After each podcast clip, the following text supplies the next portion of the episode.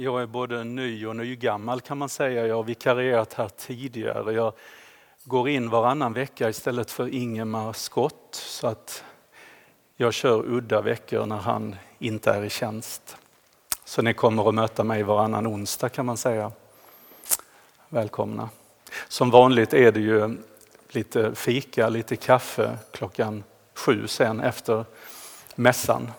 Och sen är det då just dessa udda veckor så är det ett bibelsamtal precis efter eller i anslutning till eh, kaffet där nere eller fikat. Och det kommer att utgå ifrån Romarbrevets åttonde kapitel som har olika underteman till detta fantastiska kapitel.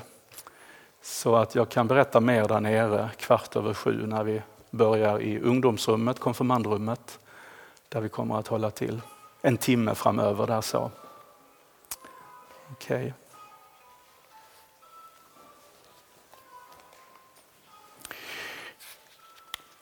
De söndagar som har varit har haft en accent kring Jesu tecken, att Jesus kom i rörelse, han kom in i sin aktiva tjänst och gärning och det hände saker. Förunderliga saker. Människor förundrades men de visste inte hur de skulle tolka det hela eller hur de ville ta det till sig. Det finns ett sådant exempel härifrån ett av söndagarnas evangelier där det står så här. Så gjorde Jesus det första av sina tecken. Det var i Kana i Galileen.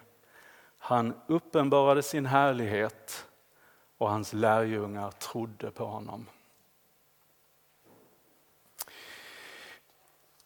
Det finns mycket utav härlighet som uppenbaras. Det behöver inte vara en Jesus som träder fram och eh, gör förunderliga saker utan bara detta att vi får så mycket snö till exempel, det, det är också något förunderligt, någonting som man kan ta bara för att oj, nu kom det snö så fick jag skrapa bilen och så.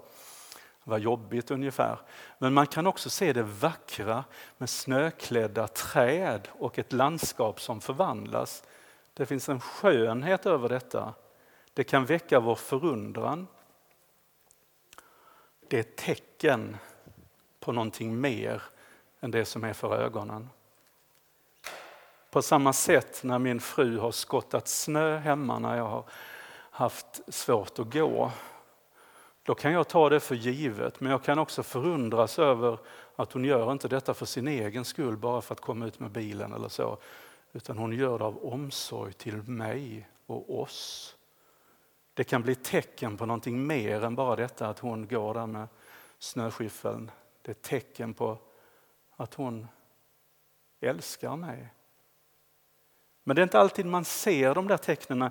I Kana i Galileen så beskrivs det som att Jesus hade förvandlat jättemycket vatten till vin. Och de som satte fram de här kärlen med det nya vinet, de visste vad som hade hänt. Men, men bröllopsvärden visste inte det utan sa så här, ja, de flesta brukar ju servera det bästa vinet först och sen när folk blir berusade så tar man till det som är av lite lägre klass. Men du har sparat det bästa till sist. Han visste inte om att det hade skett ett tecken. Så det är inte alltid vi ser de där tecknen. Det finns en tröghet.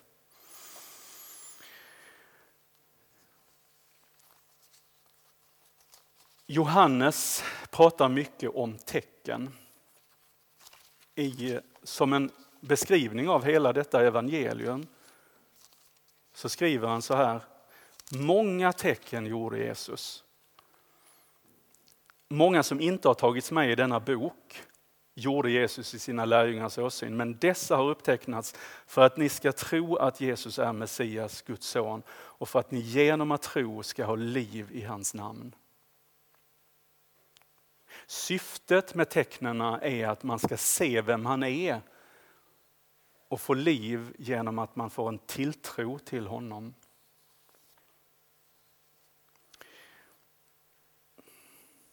Det var ett tecken till just i Kana som beskrivs i Johannes, det var en, en ung man som blir helad.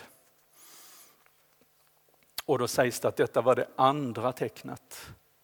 Och sen vet man inte hur många tecken som Johannes egentligen vill beskriva. Vi vet att han gjorde eh, bröd och fiskar till så att det kunde mätta tusentals människor. Det beskrivs som ett tecken. En blindfödd får sin syn tillbaka. Lazarus växer upp ur graven. Det, det är ett jättetecken. Och sen Jesu egen uppståndelse från de döda. Om det är sju tecken, jag vet inte, men, men det radas upp ett antal tecken. Och det är samma sak varenda gång. Jesus visar sin härlighet och hans lärjungar trodde på honom. Eller som han sa till den samariska kvinnan, om du skulle förstå vem det är som du pratar med, då skulle du ha önskat någonting mera.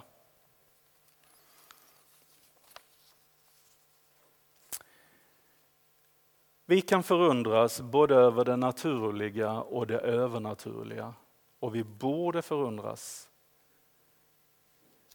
Tecknen är tecken på någonting större. På Guds härlighet och hans högre avsikter med oss. Men det är ofta att de som följer Jesus inte riktigt förstår där vid brunnen så, så säger Jesus, jag har ätit.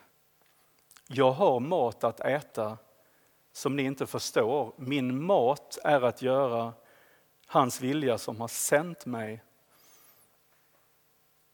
Alltså det finns en annan tillfredsställelse i livet än bara det som är det uppenbara. Och vi ser också när lärjungarna kallades, när Petrus kallades, att Jesus kallade honom till att fiska på ett annat sätt. Och det var först när näten fylldes på ett förunderligt sätt detta tecken som gjorde att Petrus också baxnade och kände att jag är inte värdig. Men det är där som Jesus kallar honom in i den högre kallelsen, i den större kallelsen. Följ mig. Jag ska göra dig till en människofiskare. Men Petrus attityd var gå bort ifrån mig. Men istället så bjuds han in i det som är större.